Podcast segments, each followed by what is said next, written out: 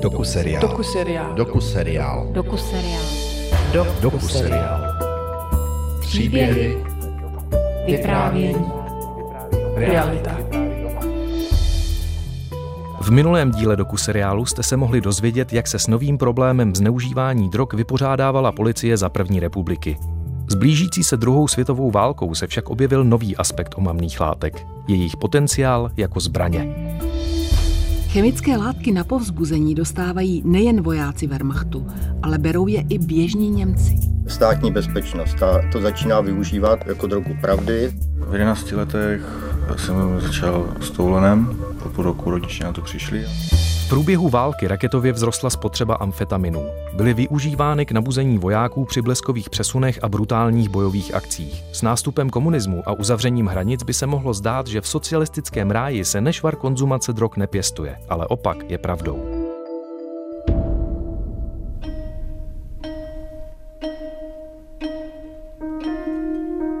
Posloucháte dokumentární seriál Drogy v Čechách? A příběh jejich zneužívání. Díl druhý. Droga jako zbraň.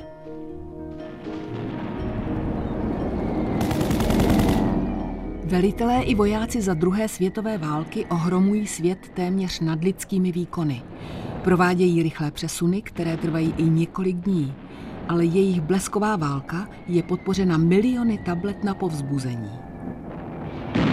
Docent Miroslav Nožina, sociální antropolog, autor knihy Svět drog v Čechách. V tom světovém konfliktu, jak se hledali cesty, jak nejvíce zvýšit výkonnost vojáků. No a tam se opětně dostávají ke slovu drogy a to tedy na obou stranách. Velmi často se dneska mluví o tom, že Německo jako takové hodně využívalo metamfetaminy, ale na druhé straně oni spojenci dělali to též. Tam se neobjeví metamfetaminy, jako v tom německém prostředí, ale amfetaminy. Teď mluvíme o Američanech a o Britech. Tam se s tím potkávali vlastně i naši piloti ve Velké Británii, kdy vlastně byli vybavováni benzedrinem a dalšími tedy prostředky. Setkávali se s tím parašutisté ve zvláštních jednotkách. Podívejte se třeba na paměti Františka Feitla, že když byl sestřelen ve Španělsku, tak první, co udělal, tak si rozbalil balíček první pomoci, kde měl tabletky na posílení. To byl pochopitelně amfetamin. Chemické látky na povzbuzení dostávají nejen vojáci Wehrmachtu, ale berou je i běžní Němci. Hildebrandovy pralinky vždy potěší. I ty nejúmornější práce se vám budou zdát zábavné. Všude přítomný smích. Svět bude barevnější a krásnější. Jedna pralinka obsahuje 14 mg metamfetaminu, což je pětkrát víc než obsah této látky v současné dávce pervitinu. Během letecké války o Anglii bylo podle odhadů spotřebováno 72 milionů tablet. Přibližně stejné množství spotřebovala i armáda Spojených států.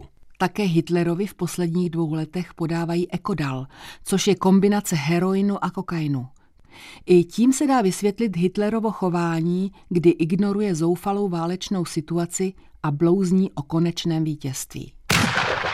Po druhé světové válce zůstaly nespotřebované drogy uložené ve vojenských skladech armád a dostaly se do rukou civilních obyvatel. Objevuje se to nejdříve v Japonsku, kde dochází k obrovskému metamfetaminovému boomu, takže tam se prostě ve velmi krátké době objevuje půl druhého milionu lidí závislých v nějakém stupni na drogách, ale objevuje se to i na černém evropském trhu, například v Německu, v těch příhraničních česko-německých oblastech, kde se metamfetaminy objevují. Drogy potlačují pocity deprese a hladu. Jejich spotřeba po válce prudce stoupá i v Evropě. Svět se zdá snesitelnější. 11. prosince 1946 byl podepsán v Americe tzv. protokol. Jeho cílem je přenést kontrolu drog do působnosti Komise Organizace spojených národů pro omamné látky. Československo protokol také přijalo, ale po roce 1948 zůstává izolované od vlivů kapitalistického světa. Hranice na západ se uzavírají. A jak je v té době běžné, jakékoliv překročení zákona je vnímáno jako útok proti socialismu a dělnické třídě. V rozhlasovém archivu se zachoval unikátní snímek z roku 1953. Jde o záznam vykonstruovaného procesu s lékárníky, jimž byly znárodněny lékárny. Jsou obviněni ze zatajení části medicamentů. Část jednoho soudního líčení byla věnována nelegálnímu prodeji drog. Obžalovaným byl lékárník Stanislav Justín.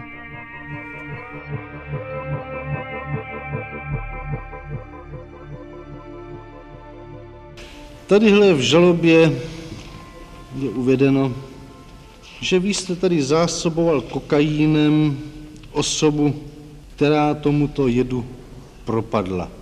Tak co je na tom pravdy? Jedná se o Jaroslava Fischera. Ano, je to kameraman, kameraman na Barandově. Že na, ano? bar, na Barandově. Ano, ano. Fischer ke mně kdysi přišel, říkal, jestli bych mu nemohl nechat trochu kokainu, že to potřebuje na vývojku. Já fotografickým věcem nerozumím, říkal jsem, že to nejde, že to je, že to je opiová věc. Vy jste věřil, že to potřebuje pro vývoj? Zpočátku ano. Zpočátku, Zpočátku ano. ano. Proto. Říkal, že to je nějaký objev a ten kokain se mu dal. No ovšem po nějaké době přišel zase a říkal, že se mu to ohromně osvědčilo a že jestli bych mu nemohl ještě nechat trošku. No já jsem tenkrát se s ním nepřímo pohádal, říkal jsem mu, aby mě s tím neobtěžoval, že to je věc, která se dělat nesmí, že bychom se mohli dostat oba do maléru. A to jste ještě no. věřil, že to potřebuje do vývojky? To už mě to bylo podezřelý a říkal no. jsem mu, no nedělejte ze mě hloupýho, já vám to nemůžu takhle nechávat, no. Bylo vám to podezřelé. Bylo mě Přesto jste mu ho dal. Kokain dal jsem mu to po potyčce, kdy prostě na mě zase škemral. Kolik pak vám platil? 250 korun mi dával. Za gram. Tak asi to. A jak často jste mu to dával? Třeba za 14 Bylo to mnohokrát, ano? Jednou to, no vícekrát. Bylo to no. mnohokrát. No. Vzhledem k tomu, že jste se dal přemluvit, tak jste mu radši přirazil ještě. Když stál 50 korun gram, ano. a vy jste si nechal platit klidně 250 no. korun? No pane předsedo, já jsem si to vzal samozřejmě, no ale on mě to, on mě to cenu sám... svědomí, ne? Za to, že jste prodával kokain a ničil člověka, který musel před vašima očima chátrat. A o zdraví Fischera jste se nestaral. Bylo to nešťastněkrát, co jsem mu to vymlouval. Bohužel to nebylo nic platné. Ano, ale ona vás magicky přímo působil, tak vás doved přemluvit, pravda? Může se, pane prokurátor, říct, že ano, on má takové Ale zezření. tak vás nedoved přemluvit, abyste mu to dával za normální cenu. On mě automaticky vždycky ty... Čili možno očekávat, že kdyby se byl o tom zmínil, že v důsledku svého působení na vás byste byl místo za 250 korun dával ten gram kokainu za 50 za normální cenu. No já mu to dával proto, až mě aspoň tolik ne, tolikrát neobtěžoval. Když mu to dával za 20 korun, tak by u mě byl každý den. viněný Justíne? Podívejte, vy jste byl magister no. farmacie, vy jste věděl, jaký účinky má kokain. Ano. Že ano? Ano. A vy mu po dobu čtyř roku dáváte soustavně mnohokrát kokain takovému člověku.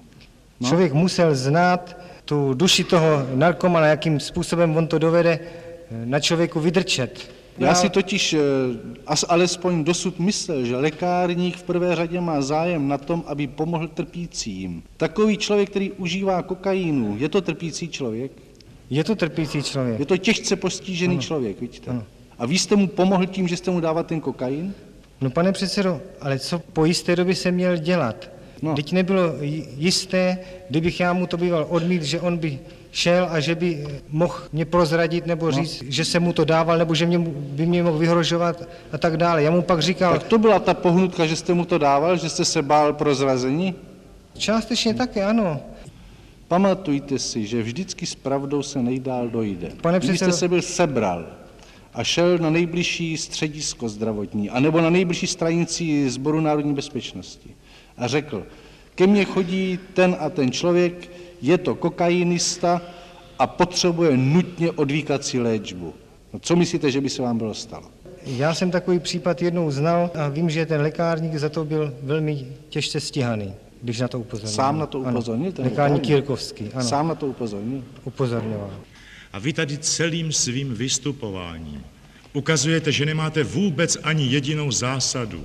Takovouhle inteligenci nám produkovala minulá společnost. Takhle jedná inteligence, vy tady mluvíte o kokainistovi a vůbec nedovedete zaujmout jasné stanovisko, které jste měl mít jako prostý občan. Zatímco na jedné straně socialistický stát drogy odsuzuje, na straně druhé s nimi experimentuje a neváhá je použít i při výslechu osob, které jsou označeny jako politicky nespolehlivé. Další věc, kde se to objevuje, státní bezpečnost. Ta to začíná využívat jako drogu pravdy. To se u nás objevuje v 50. letech. Státní bezpečnost v Praze zřizuje tajnou laboratoř pro přípravu drog tady toho typu. Archivní materiály hovoří o tom, že to několikrát bylo vyzkoušeno, hovoří o tom i vězni, že k podávání těchto typů drog u nás docházelo. Už v roce 1949 aplikovala státní bezpečnost skopolamin při výsleších, aby získala doznání obviněných. Medikament způsobil přecitlivělost psychiky a někteří lidé, aby se vyhnuli mučení, pod jeho vlivem volili raději smrt. Zpětně už se nedá zjistit, kolik sebevražd bylo spácháno v důsledku aplikování této drogy.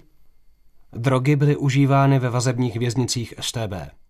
Bývalý ministr spravedlnosti Prokop Drtina před rokem 1948 pravděpodobně dostal látky, po nichž se u něho střídaly stavy deprese se stavy excitace. Vedl rozhovory s lidmi, kteří neexistovali a měl i jiné halucinace. Už od 50. let se u nás provádějí pokusy s drogou v armádě. Zachoval se také film Experiment, který ukazuje, co s bojovým štábem provede LSD. 20 minut po požití látky se začínají u všech příslušníků pokusné skupiny projevovat známky změněného chování, neúčelné pohyby a stěžují si na pocit zvýšené teploty prostředí. Skupina vojáků, která dostala drogu, není schopná plnit žádný z úkolů. Smích střídá hádku, vznikají konflikty. Že prostě neměli vůbec potuchy, co dělají, že, on říká, že vydávali naprosto nesmyslné rozkazy. Zejména v té počáteční fázi oni si uvědomovali, že něco mají plnit a že jsou jaksi neschopní, což kdyby to nebylo pod kontrolou, tak když to přeženu, tak v některých případech bych mohlo vést, mohl vést tento stav a i k sebevraždě. Za chvíli budeme vyprávět o tom, co jsme tady od rána dělali. Neměli jsme, doteď jsme neměli čas. Ježíš Maria, pro Krista, pane, my se tady neudělali věci. Za to je. Pověd si máte? Velitel, když potom už po skončení pokusu, až druhý den, eh, když se ukazovali ty materiály, že jsem to vyplodil, tak říkal, pane Bože, já jsem tedy vyhnal na smrt. Drogy měly v čase studené války sloužit jako prostředek k oslabení armády protivníka a současně jako nástroj, jak se tehdy říkalo, k podrývání základů západní společnosti. V 50. letech u nás však dochází ještě k dalším experimentům s LSD, tentokrát v oblasti zdravotnictví. Výzkumný tým psychiatrů a biochemiků, vedený doktorem Milošem Vojtěchovským, zkoumal halucinogenní látky. Unikátní výpověď doktora Vojtěchovského začátkem 90. let zaznamenalo rádio Strahov. Zkoumání psychotropních účinků nejrůznějších látek, farmakologické navozování emocí a v rámci toho jsme sledovali účinek LSD na asi 115 lékařích, psychiatrech, psychologách, na umělcích a na studentech, na výtvarnících a popsali první své vlastně zkušenosti v roce 55, když eh, LSD absolvovali psychiatři a psychologové a personál, který ošetřuje duševně nemocný sami na sobě. Změnilo to úplně jejich přístup k duševně nemocným a to je takzvaný edukační formální přístup, že každý člověk, který pozná psychozu sám na sobě přechodnou, tomu duševně nemocnému pak líp porozumí a dovede chápat všechno, co se u něj děje. Odhadoval bych, že asi 150 psychiatrů prožilo LSD a nebo jiný halucinogen sami na sobě, ale ty mladí ty to prožívají jedni jako ilegální výlet, že jo, tak na černém trhu. Že? A to je asi špatný. Je to nebezpečný, protože jakýkoliv nekontrolovaný experiment, který probíhá mimo zařízení, kde jsou speciální znalci, může končit vraždou, sebevraždou, komplikacemi a tak dále. Jakkoliv. Jeden psychiatr, když měl LSD, tak měl představu, že může lítat a otevřel okno a řekl, že vletí z toho okna, že jak si má schopnost letět a kdyby tam nebyl ten někdo a nestáhl na zpátek, tak ten, ten psychiatr už dneska nežije.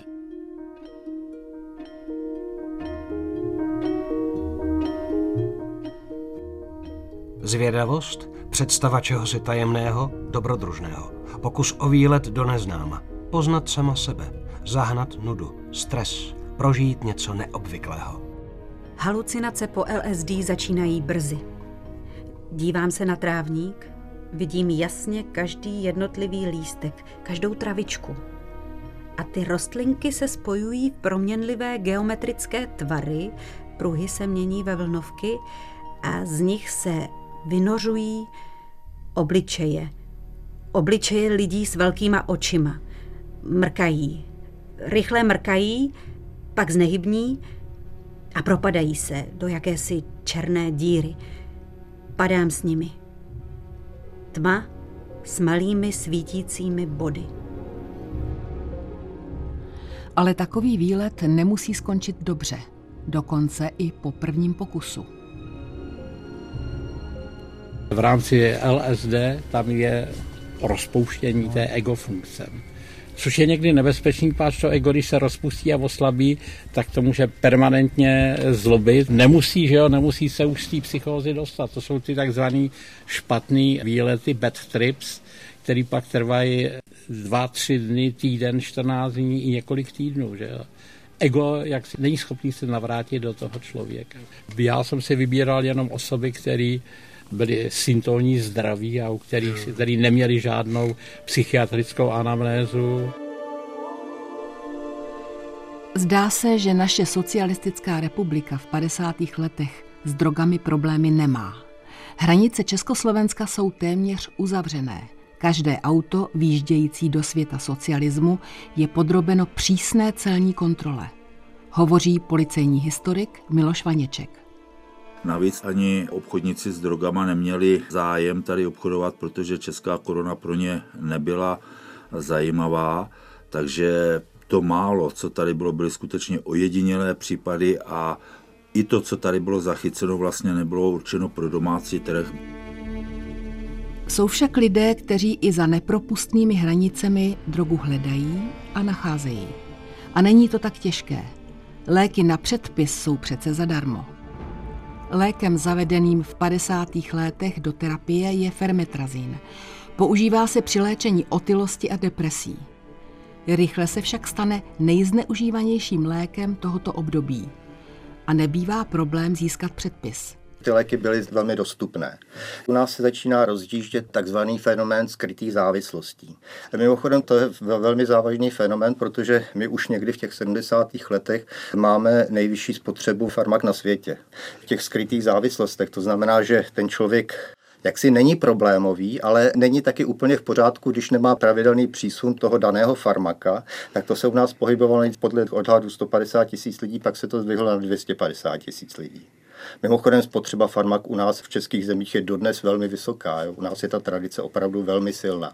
Podle paragrafu 197 odstavec první trestního zákona z roku 1950 se trestného činu dopustí ten, kdo bez povolení vyrobí, doveze, vyveze či jinému opatří nebo přechovává omamné prostředky nebo jedy.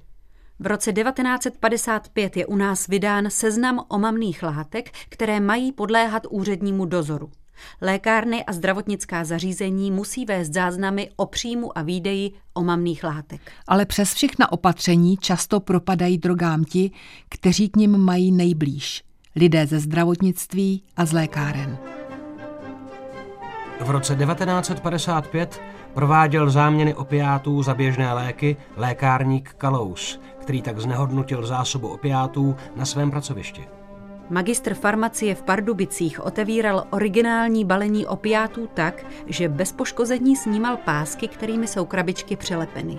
Z nich vybíral tablety opiátů a tyto nahrazoval tabletkami jinými, podobné velikosti a tvaru. Jeden z dalších případů se stal v pražské nemocnici v roce 1956, jak jej popisuje příběh z cyklu Historie českého zločinu. Otevřete mi skřínku s opiáty.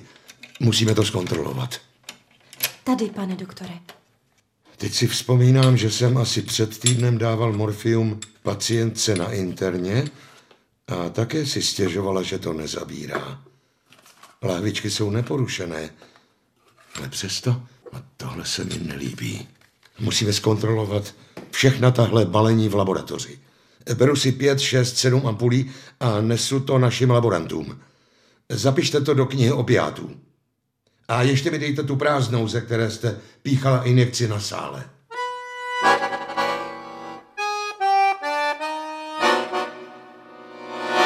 Tak říkáte, doktore, že pět z těch sedmi ampulí označených jako morfin obsahovalo destilovanou vodu? Ano. Naše laboratoř to potvrdila a je to tedy šok. Pro pacienty znamená taková záměna ohrožení života nebo komplikaci zdravotního stavu. Ale ty ampule, které jsem odnášel do laboratoře, byly soudruhu... Štrunc. Podporučík. Štrunc. Tak ty ampule byly neporušené. To znamená, že k omylu muselo dojít ve výrobě. Ony porušené byly, ale na první pohled to nepoznáte. Podívejte se proti světlu. Máme je tady jako předměty doličné. Tady je jedna, naprosto čirá, a v té morfin byl. A v téhle byla destilovaná voda. Podívejte se na ní pořádně. Jako by byla otevřena dvakrát. Vršek ampule upilovali jednou u vás v laboratoři, když se zkoumal obsah. Ale to už bylo zřejmě druhé otevření ampule. Na pěti baleních je ještě stopa po dalším pilování a sklo je tu trochu zdeformované, jako by to bylo po druhé zataveno. Takové stopy nesou všechny ampule, kde byla destilovaná voda. Ve výrobně by se s tím nikdo nepiloval, když by tam mohl rovnou dát vodu místo morfinu ještě před uzavřením ampule. To znamená, že se to muselo stát pak. Uvažujete správně. Ošetřovatelka v pražské nemocnici získávala morfium tak, že ampulky nahřála, injekční stříkačkou vysála obsah, nahradila destilovanou vodou a znovu nad plamenem zatavila sklo. Dva studenti chemie se rozhodli, že vyrobí po domácku lék psychoton, který budou následně prodávat. Ale nakonec se stali na léku natolik závislí, že jej vyráběli jen pro svoji potřebu. Z hlediska historie byly první pokusy uh, rozšířit vědomí, jak říkali brain, brain expanding drugs. Čeští drogisté, jak se jim říkalo, vynalezli čikuly a toluen, to byla ta první etapa černého experimentování na sobě. Řada z nich končila úmrtím, protože si dávali pitlík že, na hlavu a do toho ten toluen zadusili se. Sniffing z anglického slova čichání. To je už v 70. letech i v Československu poměrně častý způsob cesty do jiné dimenze vědomí.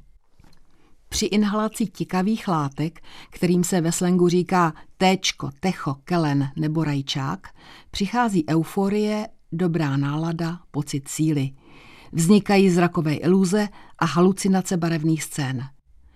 S takzvanými čichači se setkal i Miloš Vaněček, bývalý policista a pracovník Národní protidrogové centrály.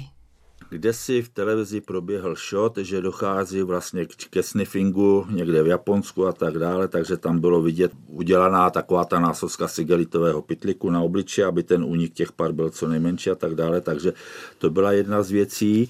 A ukázalo se vlastně, že za tři koruny jedna sklenička čikuly je daleko nebezpečnější a rizikovější než když to teď s troškou nadsázky přeženu, jedna dávka třeba kodeinu nebo jedna dávka pervitinu, protože čichači vlastně se uchylovali do těch různých sklepních prostor, parovodů a tak dále a velice snadno dojde k předávkování kdy to vdechování prostě přežene, udělá se mu špatně, zákon schválnosti funguje, spadne obličem na ten namočený hadr a tak dále.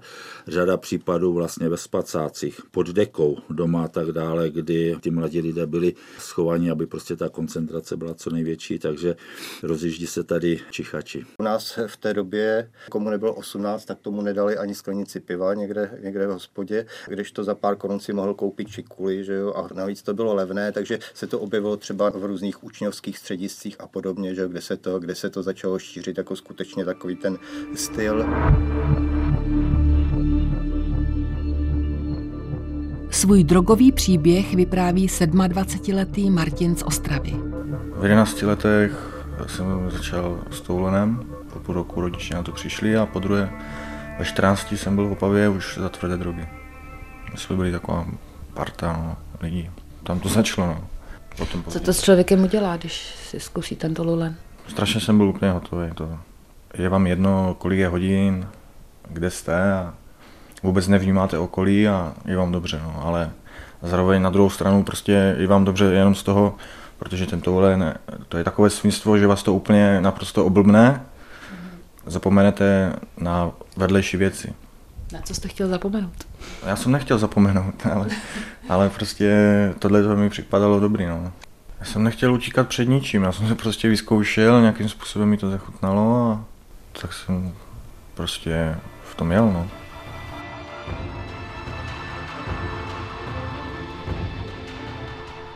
Únik. Nový typ dobrodružství. Touha zkusit to, o čem se moc nemluví. Prostě trochu adrenalinu do šedé socialistické reality. Sniffingu propadají v 70. letech celé skupiny mladých lidí, hlavně na učňovských školách. Bohužel ne všem se daří z těchto výletů vrátit v pořádku. A lidé nacházejí další možnosti. Hranice jsou nepropustné a tak si začínají Čechoslováci vyrábět drogy sami z léků dostupných v lékárnách. Vznikají první domácí varny, například takzvaného brownu. Ale hlavně se začíná vyrábět nejznámější česká droga – metamfetamin, jinak zvaná pervitin, perník nebo péčko.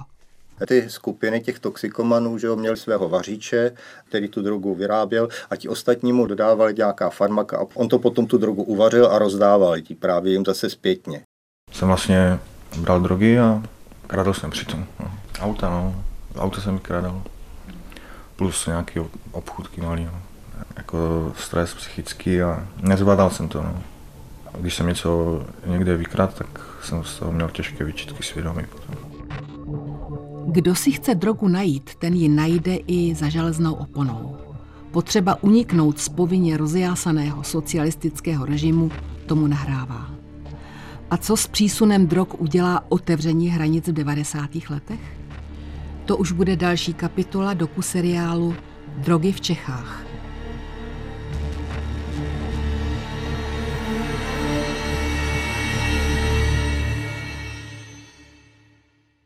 Příštím díle doku seriálu se vyprávění přesune do období po sametové revoluci. 90. léta byla divoká i z pohledu protidrogové problematiky. Otevření hranic Československa sebou přineslo i otevření nových distribučních kanálů. Doku seriál Drogy v Čechách poslouchejte i příští neděli v 18.30 na dvojce.